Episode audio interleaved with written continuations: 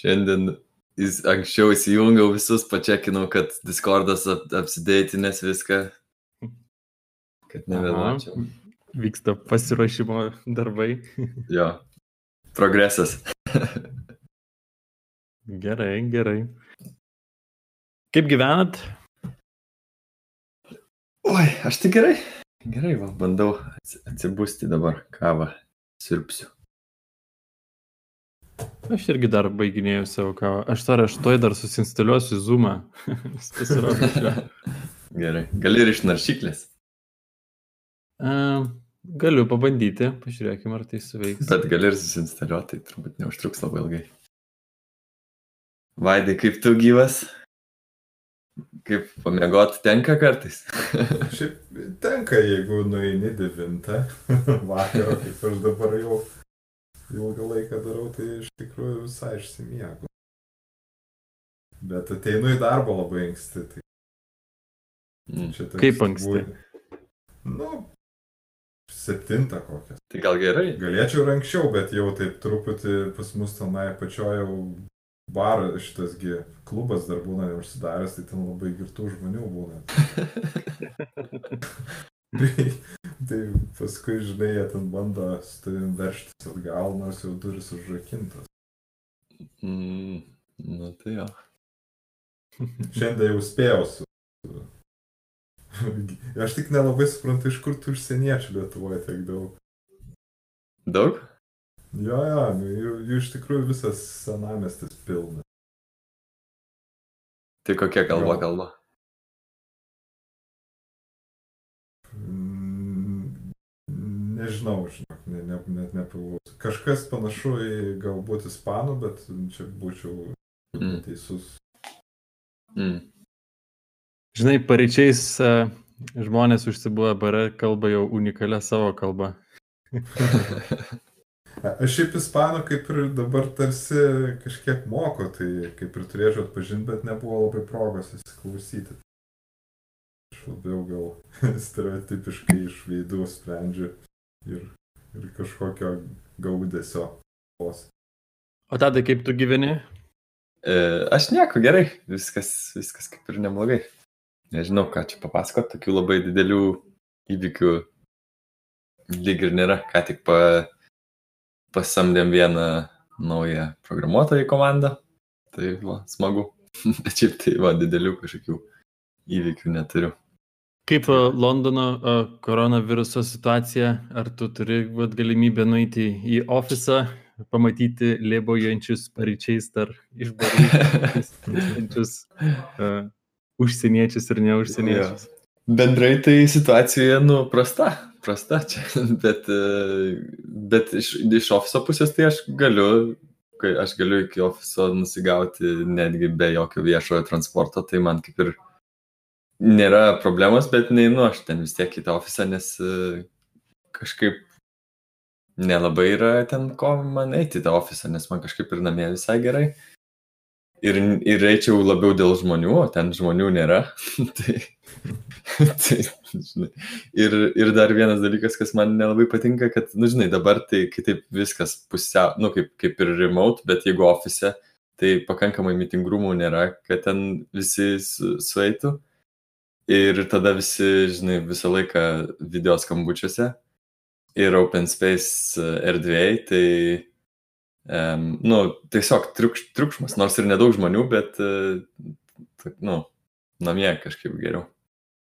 Mm. Bet čia taip Įdomu, geras toksai e, klausimas yra, ar neturėtų iš tikrųjų mūsų ofisai būti visada pritaikyti, kad tu ateini ir tu nori, man, pažiūrėjau, per karantiną labai pasijauti, kaip patogu yra dirbti, nes aš turiu kolegų, kurie išsibarstė po, Mhm. po ofisus ir, ir ypač tas pasijutė, kai karantino metu iš namų pradėjo dirbti, tai tiesiog reikia tau kažkam paskambinti ir, ir skambini vietoj to, kad tu ai, gal patingėsiu šį kartą nelabai svarbu, neįsiu to meeting rūmo ieškoti arba tenai Mm. kolegom nesinori trukdyti, man atrodo, kad e, tas toksai virtualus sumetimas žmonių į vieną vietą, jisai labai daug rūpešių sukelia.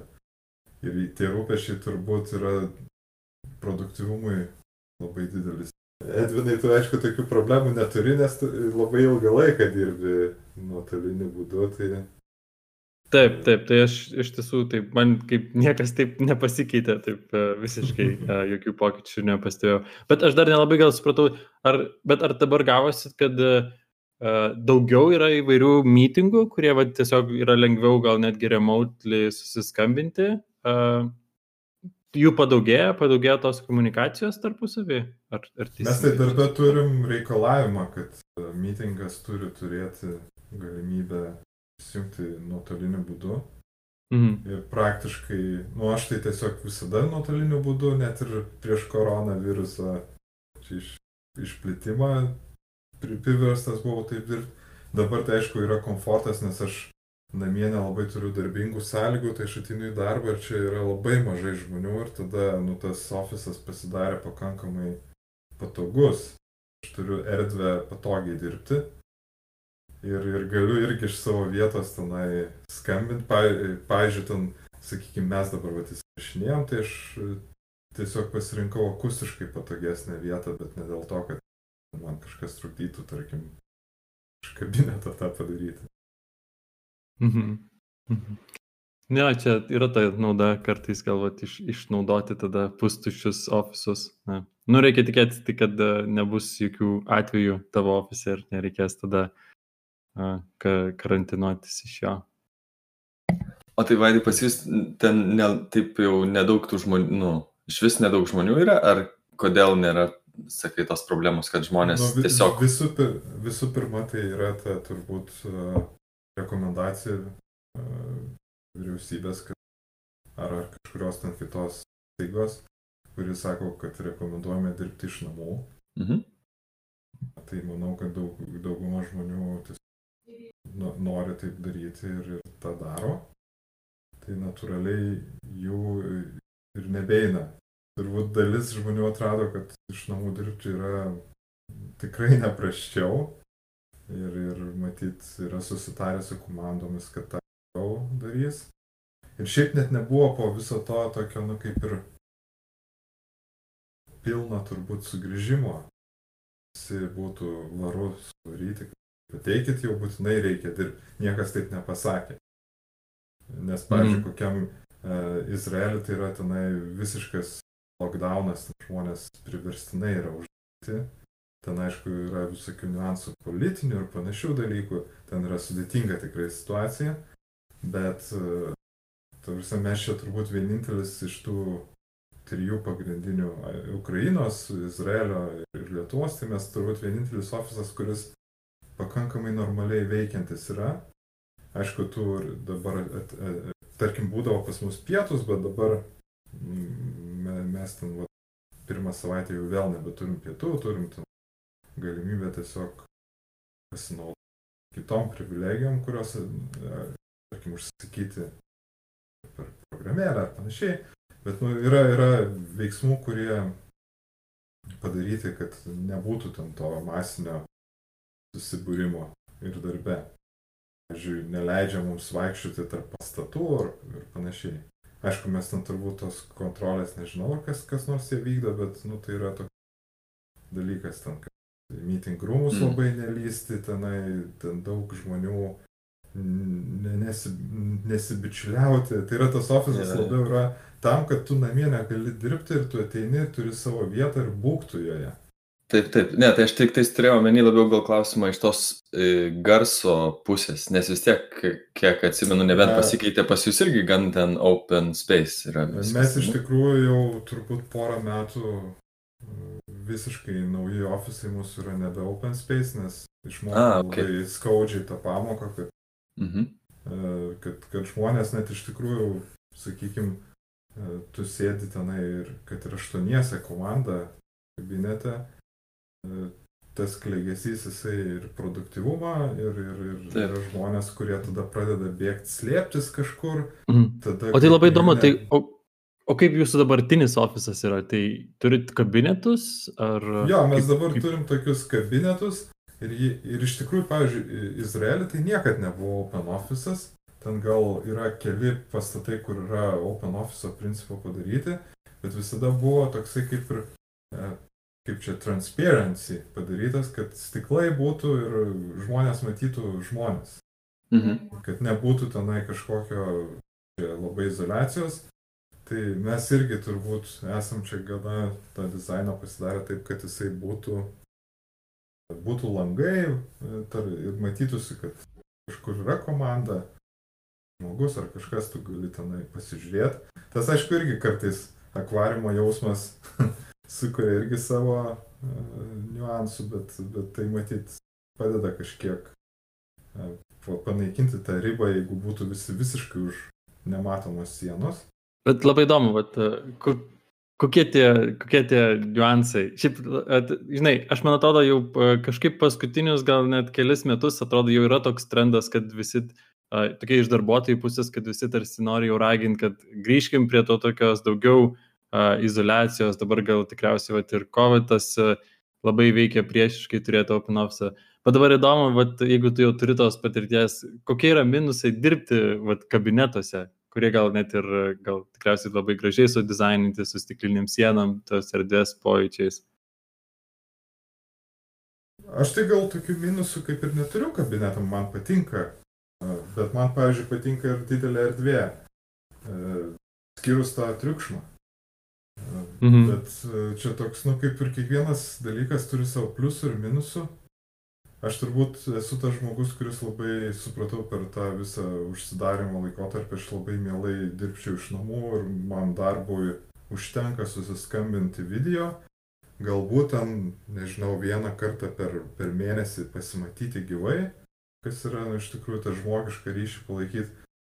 Bet aš sutikau kitų žmonių, kurie apskritai taip negali dirbti dėl įvairių ten, savo asmenybės ar tenai savijautos dalykų ir, ir turbūt pradėjau labiau, nu, tolerantiškiau žiūrėti, supratau, kad tai nėra taip lengva psichologiškai kitiems žmonėms, pradedant nuo to, kad jie jaučiasi galbūt vieniši izoliuoti, e, pradedant nuo to, kad jie apskritai darbą eina, nes nu, jiem labai yra svarbus tas nu, darbe e, komandinis darbas. Tai yra toks įsivaizduoju, kad mes, pavyzdžiui, gal šnekam apie per programavimą, ir ten dviese susėdam prie kompiuterio ir, ir dirbam. Ir galbūt aš, pavyzdžiui, po kokių penkių valandų jausiuos labai išsunktas, bet yra žmonių, kurie gauna šitaip labai gerai, gerai praleistą dieną.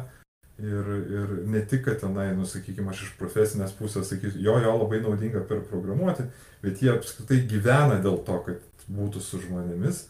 Ir, ir tokių žmonių, man atrodo, visai nemažai yra. Ir Ir, ir, ir aš vat, per tą karantiną sutikau ir tarkim mes tą ofisą turbūt ir atsidarė, nu, atsidarė tas ofisas ir pirmieji sulėkė žmonės, kuriem vat, buvo labai sunku namie išbūti, kuriem reikėjo pamatyti kitus ir, ir, ir tokie va dalykai. Ir plus, nu, reikia pripažinti, kad yra tikrai nemaža dalis žmonių, kurie produktyviau dirba, kai jie yra ofise.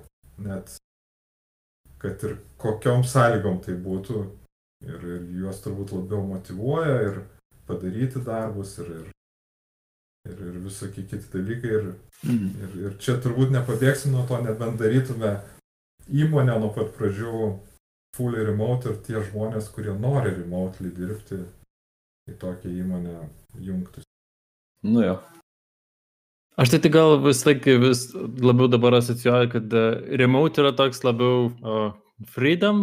uh, iš tos pusės, kad gal remote tai tu gali pats nuspręsti iš tiesų, kokio va, to aspekto nori. Uh, gal aš tikrai va, irgi galiausiai pamėgau iš namų dirbti, turėti savo darbo vietą, bet tikrai pačioj pradžioj man irgi va, reikėjo eiti į coworkingą, uh, bet ir va turėti tą socialinį kontaktą, kažkur turėti to tokio pabendravimo ir galbūt tai ne, man nebuvo gal taip labai poreikis, kad būtinai būtų su bendradarbiais. Bet kas geriausia, kad iš tiesų laikui bėgant tai pasikeitė, man reikėjo to mažiau ir aš tą galėjau keisti, tai tas... Uh, Uh, tai tik norėjau pasveikinti Vaidai, tai džiaugiuosi, kad tu irgi mentalitetu perėjai tų uh, remote žmonių gal uh, pusę. Aš tik tai džiaugiuosi vienu dalyku, kad aš galiu pasirinkti ir mano pasirinkimas turbūt namų yra nulemtas. Tarkim, jeigu aš gyvenčiau turėčiau ten, sakykime, savo darbo kambarį namie, aš tikrai niekur neįčiau, nes netgi dabar aš turiu turbūt savo patogiau įsirengęs darbo vietą namie, negu jinai yra darbe. Mhm. Ten labai mažai tas skiriasi, bet man labai patiko namie. Aš įsivaizduoju, nes, žinai, baisu, kad kartais tu nori visokių gal irgi save palepinti kokiais nors desk gadgetais, bet tada nenori ten per daug išsišokti ar nenori, kad klaviatūra užknistų kitus. Namuos gali sauliaisti beveik viską. Nu, tai ką, žmonam tik neleis. Kitas niuansas, ką aš pastebėjau, kad man buvo turbūt karantino metu pirmi mėnesiai buvo persidirbimo mėnesį, aš buvau labai nepratęs disciplinuotai dirbti, aš tiesiog atsisėsdavau ir manęs tie tos užduotis nepaleisdavo. Taip, labai daug tokių žmonių. Sėdžiu ir, ir varydavau tenai, nežinau, iki 9 vakaro ar ten dar ilgiau ir toksai paskui po, po tų kelių mėnesių staiga pradėjau jaus, kad e, baigėsi mano visos energijos, jau artėjau link to tokio pavargimo, kad iš tikrųjų aš nebenoriu galbūt jau ten daryti kažko.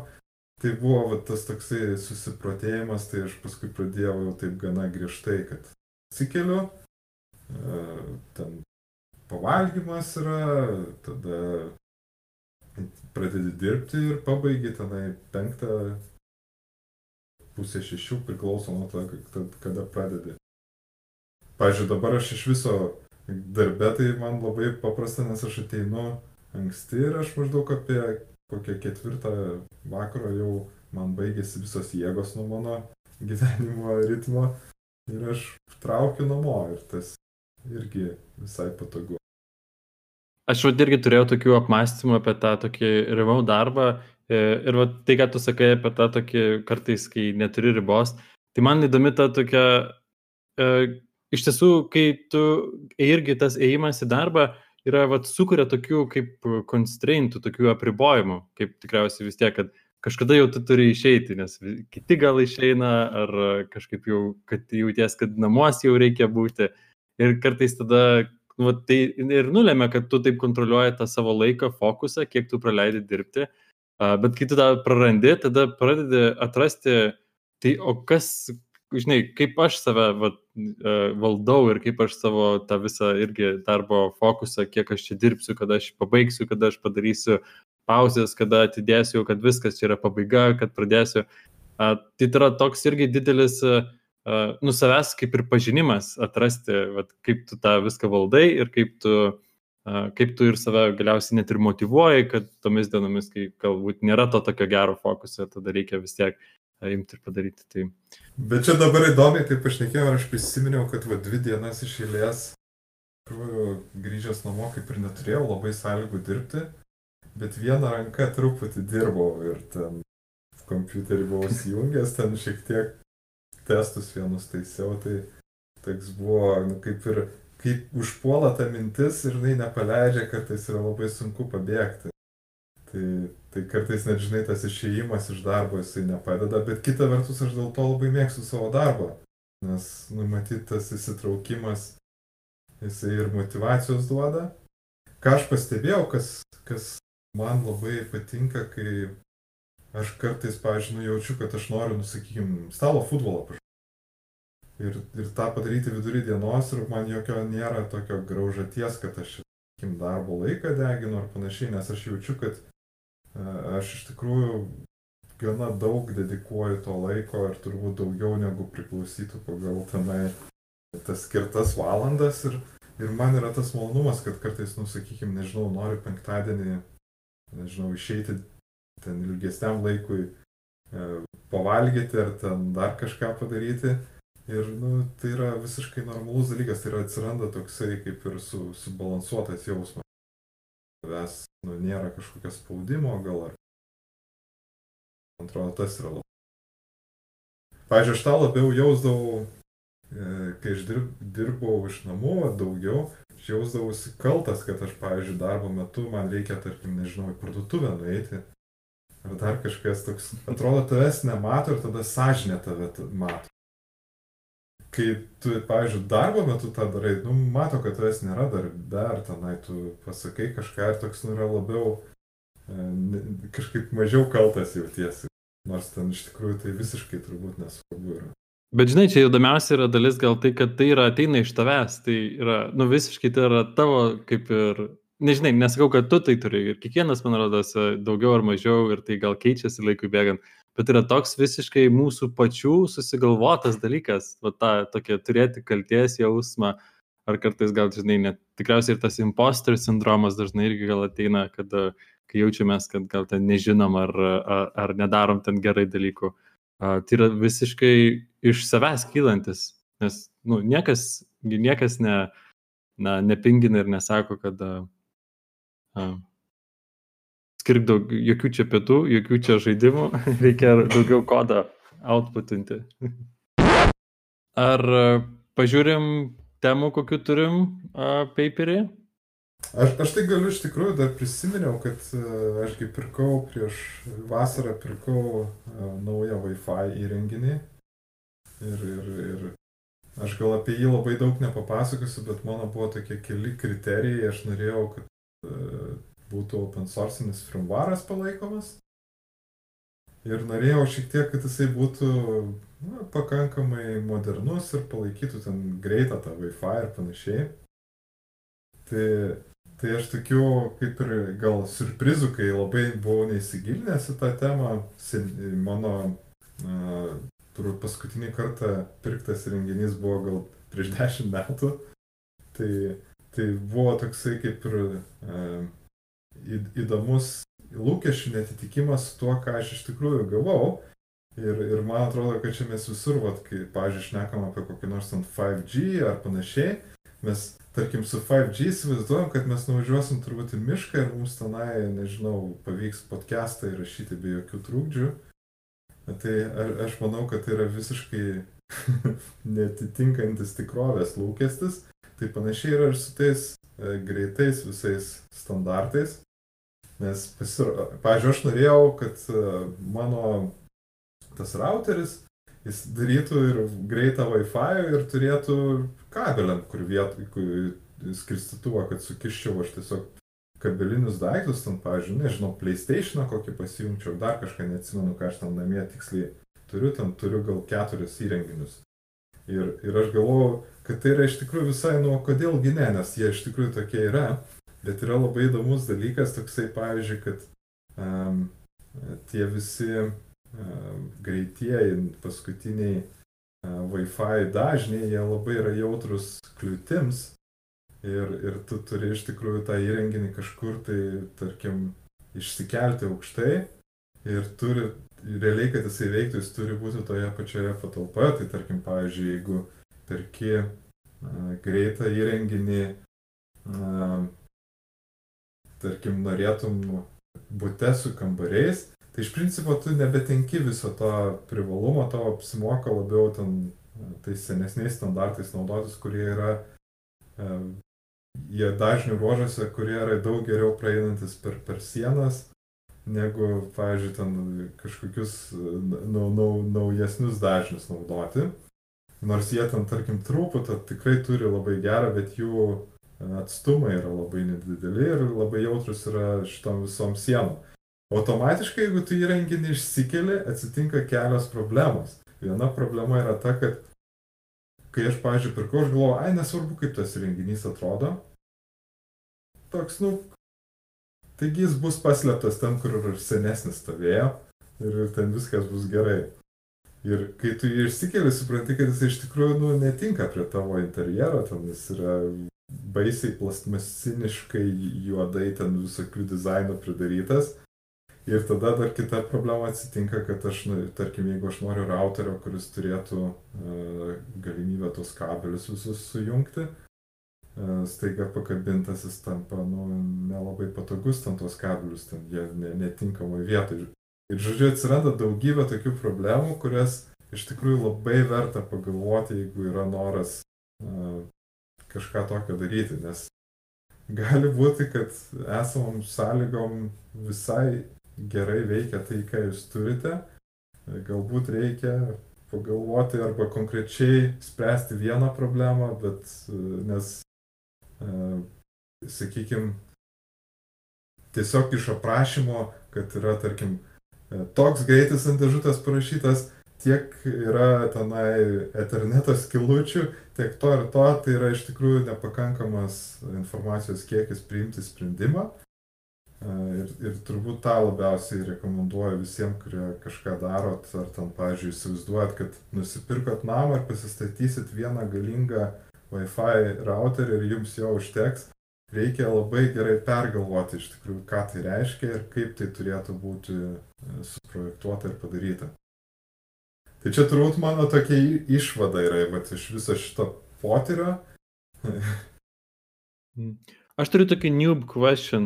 Ar yra kažkas bendro tarp to, kad dabar Wi-Fi routeriai yra arba tuo 2 GHz arba 5 GHz ir tarp to, kad yra mobilusis ryšys 5G? Ar tame, uh, tai abu veikia daug aukštesnių dažnių, bet ar čia yra kažkokia ir kažkas, ar yra kažkas bendro, ar čia tik tiek ir tai yra, kad jie skirtingose dažnių diapazonuose, tai, bet abu yra tiesiog aukštesnio dažnio. dažnio uh, A, aš nežinau, ar ten sutampa kažkur, kažkur, turbūt nesutampa 5G su 5 GHz, bet esmė yra ta, kad a, tai irgi labai panašu, kad nu, tiesiog e, skirtingose dažnių juostose e, veikia tie įrenginiai. Mm. Ir, ir Ir, ir esmė yra ta, kad labai problemos panašios. 5G ir 5 GHz Wi-Fi. E, jo tam, kad jisai toliau nueitų, reikia labai stiprinti tą signalą. Ir jisai mhm. visas kliūtis labai jautriai reaguoja. Dėl to aš ir pradžiai paminėjau tą, kad mes miške turbūt tikimės, kad bus 5G, ten bus žiauriai faina, kokioje sodyboje sėdėsi ir tau ten tiesiog nebereikės jau jokio ten interneto, bet aš manau, kad tai yra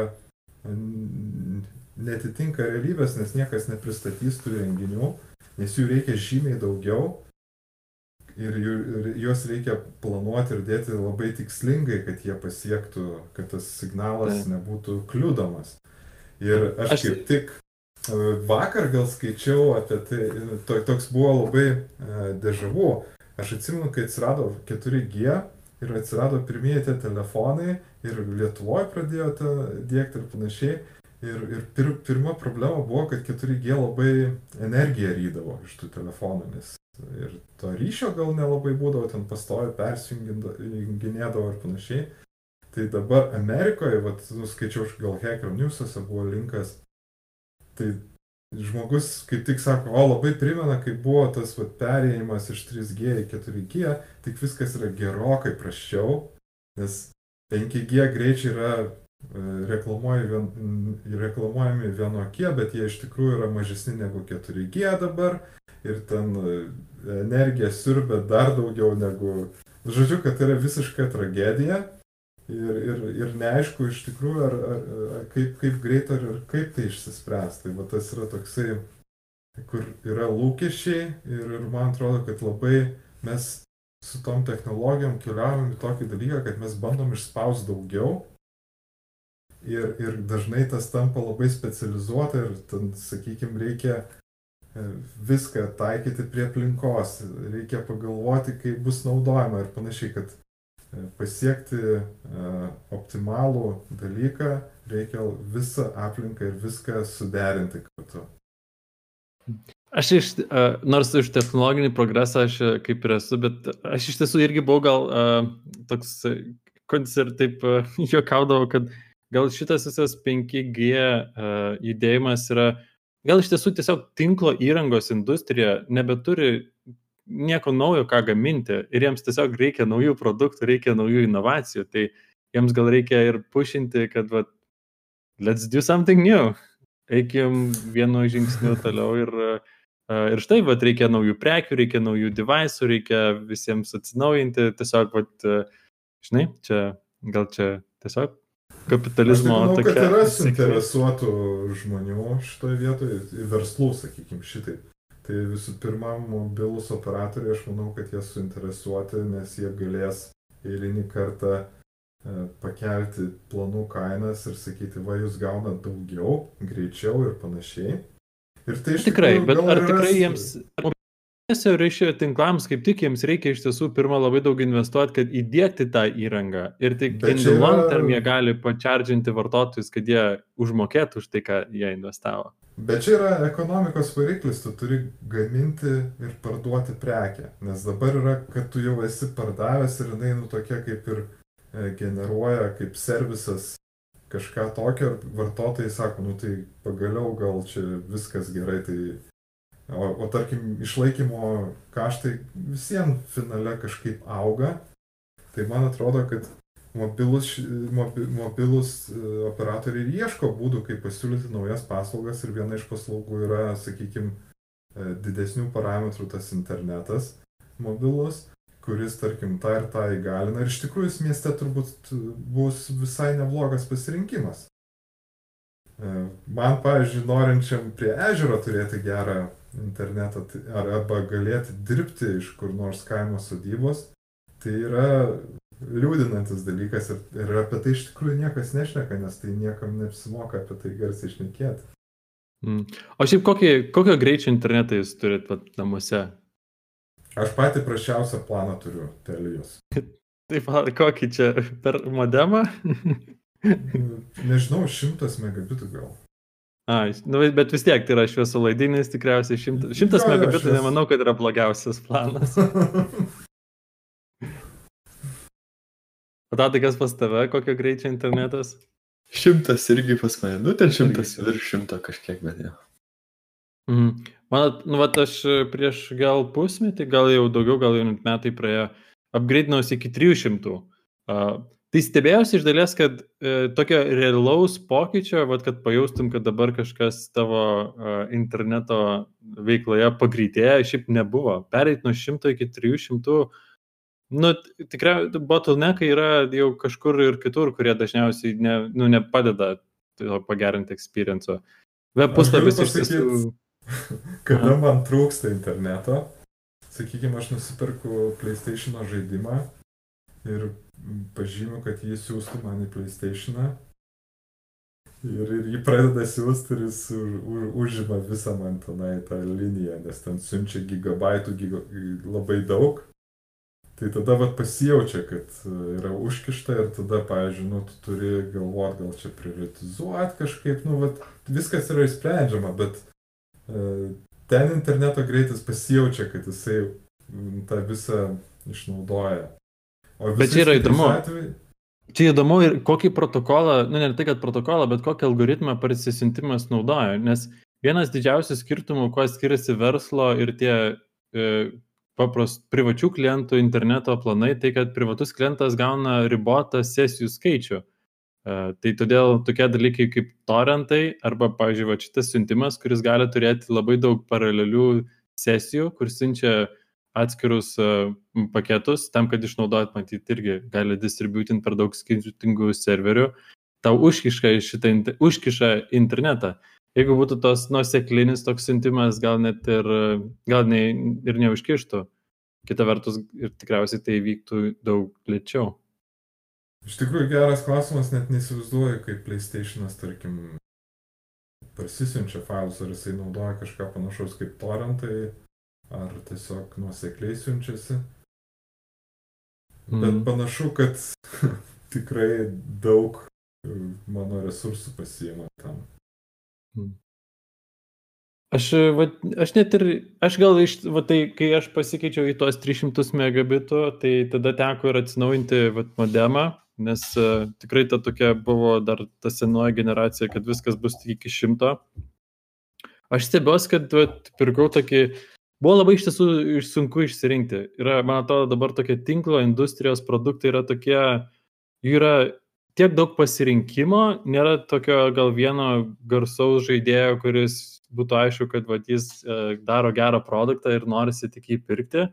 Ir tenka iš tiesų researchinti ir rasti įvairių reviewsų, kad, uh, tarkim, po mėnesio naudojimo pasijaučia degradavimas interneto greičio ir galvoja, kaip, kas čia gali tokio atsitikti tam modemui, kad po mėnesio jis tiesiog pradeda lėčiau veikti.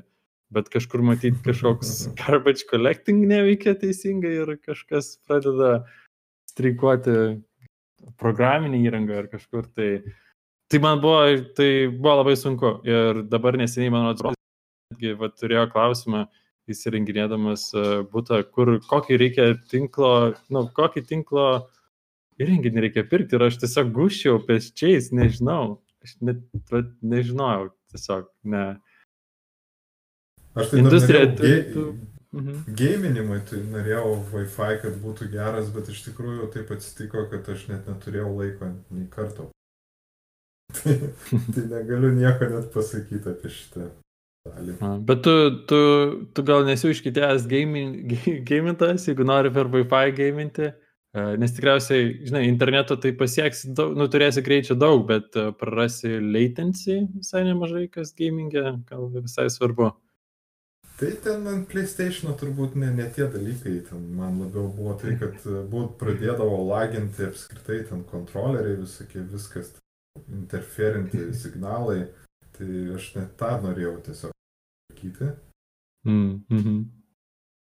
Mhm. Bet, bet aš tai net nesu tikras, ar ten įdomu, kiek ten tie latencijai su Wi-Fi yra ir apskritai. Ten. Nes aš tai kabelių galbūt ir nelabai dabar turiu galimybės tenai prisivedžioti. Tai, tai man Mhm. tas irgi yra toks ar, arba nieko, arba kažkas. Bet gavosi irgi taip, kad e, iš tikrųjų aš neišnaudoju to 5 GHz. Nes esu paslėpęs už- vieno daikto tas antenas. Ir, ir iš tikrųjų netgi ta kokybinė prasme, tai e, dažniau trukinėja, pavyzdžiui, jeigu mes va dabar va įsira- įsirašinėjom, tai e, manau, kad būtų koks vienas nutrukimas to, to ryšio, negu būtų tas senasis 2,4 Wi-Fi. Tai aš, pavyzdžiui, namie specialiai perjungčiau ant, ant. Bet čia grinai yra taip, kaip aš pasidaręs ir manau, kad tie visi dalykai yra išsprendžiami, tiesiog reik- reikia labai daug žinoti dabar apie. O tai va turiu klausimą, tai kokį galiausiai pasirinkai ir dar įdomu, kodėl, pavyzdžiui, dėl iš to open sourcinio softo, um, ar tai dėl pasitikėjimo klausimų, ar, ar, ar kažkokie konkretus kiti yra privalumai ir, ir kaip tas visas tavo experiences, gal apie šitą gali biškai papasakoti.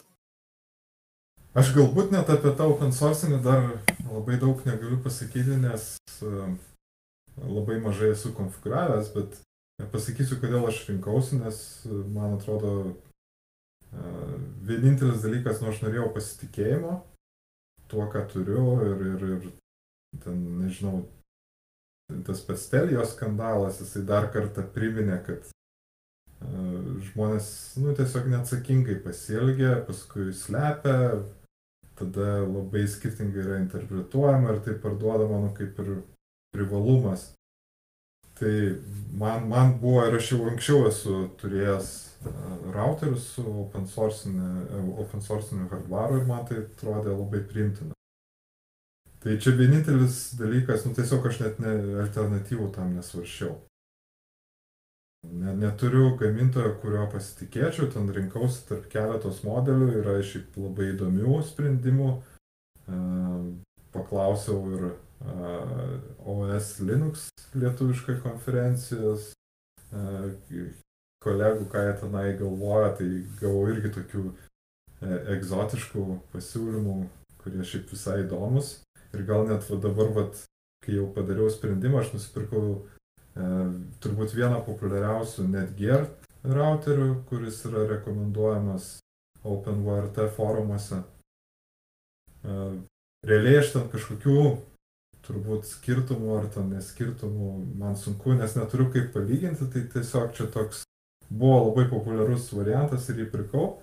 Dabar galbūt e, pirkčiau kažką, kas yra dar labiau open sourciška, nes yra ir hardwarinė prasme open sourcinių routerių, jie gal buvo mažesniais parametrais. Aš tiesiog turėjau nueiti šiuo keliu, kad suprasčiau, kad man tų parametrų kartais nereikia. Ir, ir sakykime, dabar turbūt rinkčiausi tarp išvaizdos įrenginio ir, ir, ir, ir kuo labiau, kad atvira viskas būtų. O čia tas Netgear yra tas brandas, kurie daro tuos įrenginius, kur gali sudėti komponentais. Tarkit, perki atskirai, kas bus tavo Wi-Fi e, stotelė, atskirai perki, kas bus tavo tie visi, uh, tas tikrasis routeris, kuris uh, išskaido tinklą į kelis kitus. Ar čia kažkokį kitą brandą turiu menį?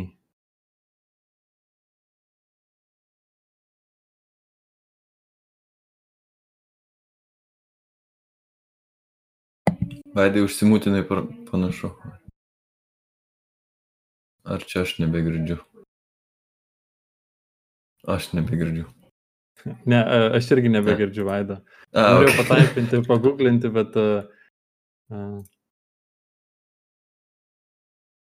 tarsi Vaid- žalias dega, bet ne, negirdžiu nieko. Vaidas vis dar kalba. Mūsų gal irgi negirdi? Ar girdi? Girdi? Hmm. Ar ne? Mes ne. Vaidas nieko nesako, turbūt. Aš dabar ir, ir ant Zoom nebematau Vaido. Man uh, webinės, webinė versija turi tokį vieną didžiulį minusą, kad uh, aš negaliu persijungti to į, į grid view. A, jo, nes ant grid labiausiai tik ir patinka turėti. Taip.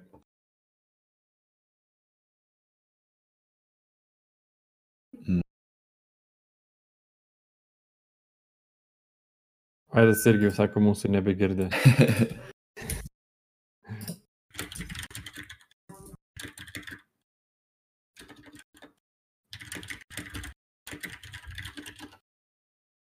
Gal jo ausinės tiesiog atsijungia?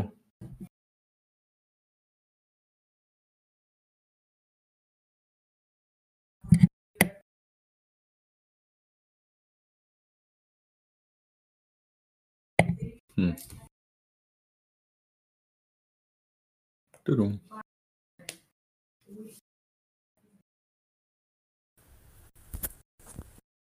O, kažkas sukrapždėjo. Vaidai. O, Re- o. Reikėjo iš naujo, žinok, iš naujo įsidžoininau į kanalą. Ok, girdim dabar. Dabar girdim. Tai va, dar Discordas norėjau- labai patikimas dalykas pasirodė. Kuris dalykas? Discordas. A. hm. Nu, žinai, software, software. O tai kame problema buvo? E, Čia apie Discordą? Ne, tai nežinau, ka, ko- kodėl nebegir, nebegirdėjom. Nežinau, aš tiesiog e, staiga pajutau, kad aš jūsų negirdžiu ir teko man išeiti iš kanalo ir įeiti į iš naujo. Ai, a, Jūs ok, čia- tai gal tikrai Discordo problema. Turn it off, turn it on again.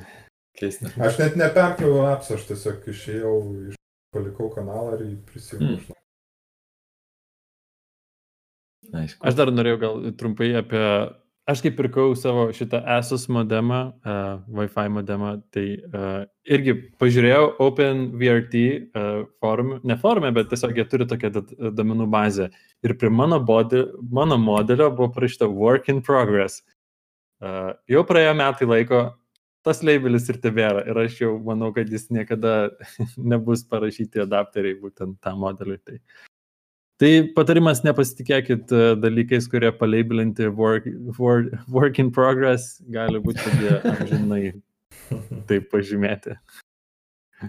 Nu, aš tai iš karto jau rinkausi, nuėjau į OpenVRT, ten netgi, iš tikrųjų netgi svarščiau galbūt pirkti kažką labai pigaus ir turbūt būčiau nenusivylęs, nes yra ten tų pačių kiniškų visokių renginių, kuriuos galima tenai užflešinti, ten juos gal kai kuriuos sunkiau tą padaryti, bet manau, kad tai nėra labai prastas variantas, nes labai, ne, labai daug renginių palaiko tą OpenVRT.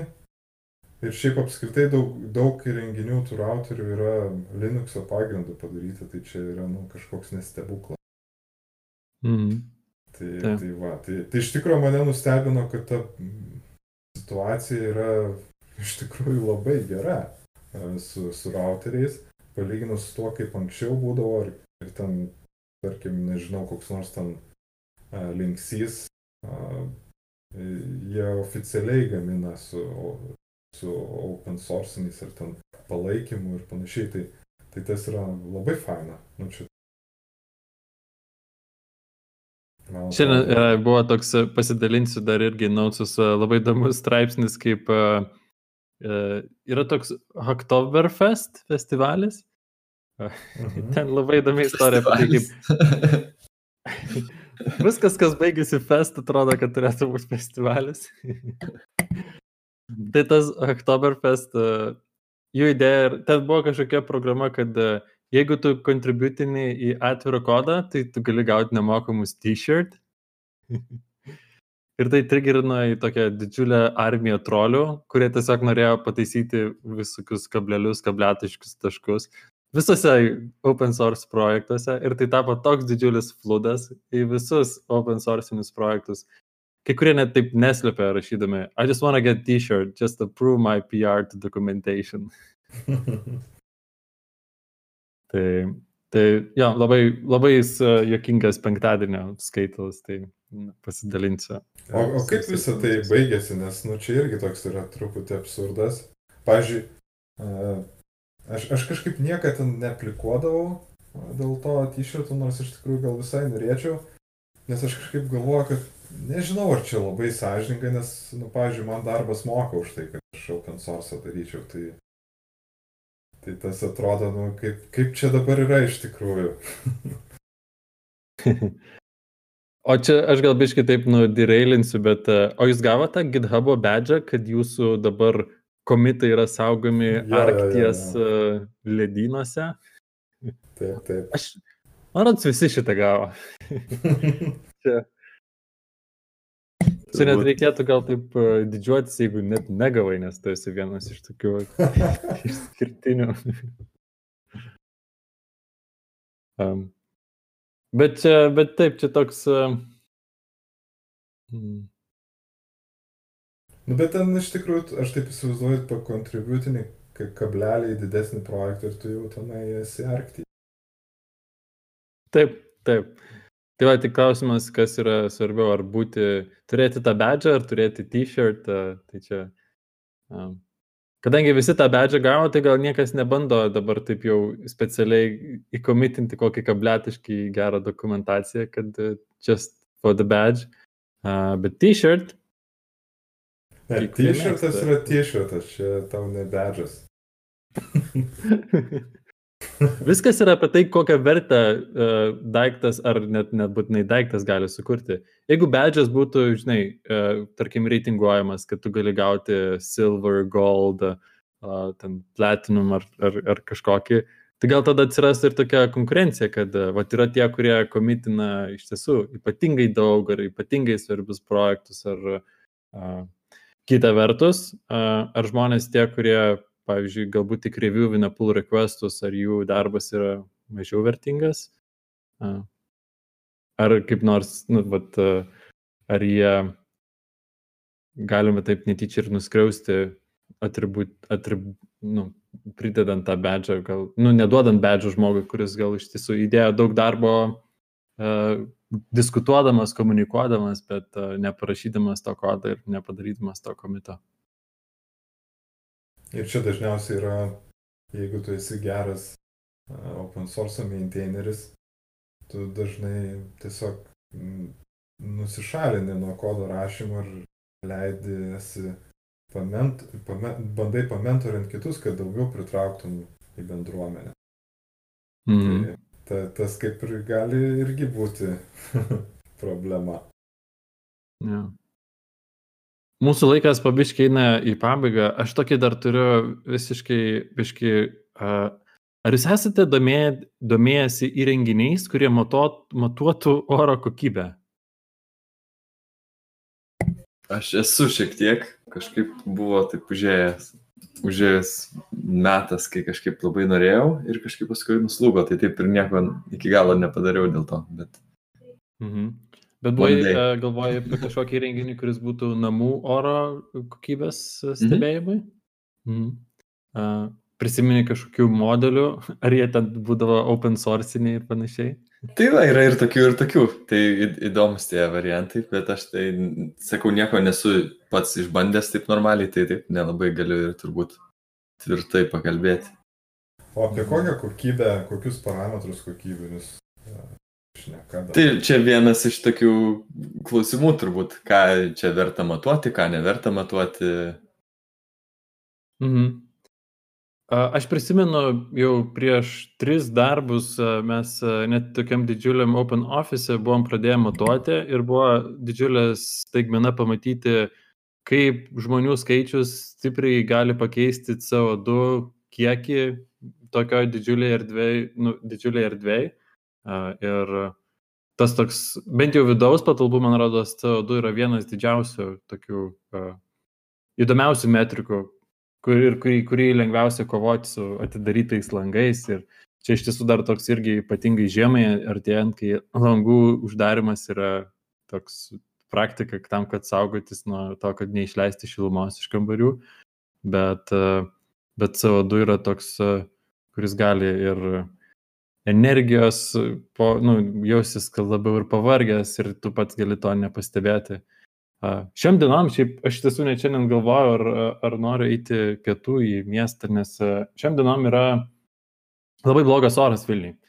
Aš labai stebiuosi, kad niekas net nesinčia nu, nu, pranešimų, kad net jautrus žmonės, sergantys ar vaikai net neįtų į lauką. Tai vakar net tvytinau ir Twitter'e kažkas rašė, kad pasirodo Rusija vyksta gaisrai ir dabar vėjas labai atneša didžiulį kiekį visų tų dūmų link virš, virš beveik visos Lietuvos. Tai vakar buvo bloga situacija, šiandien dar blogesnė situacija.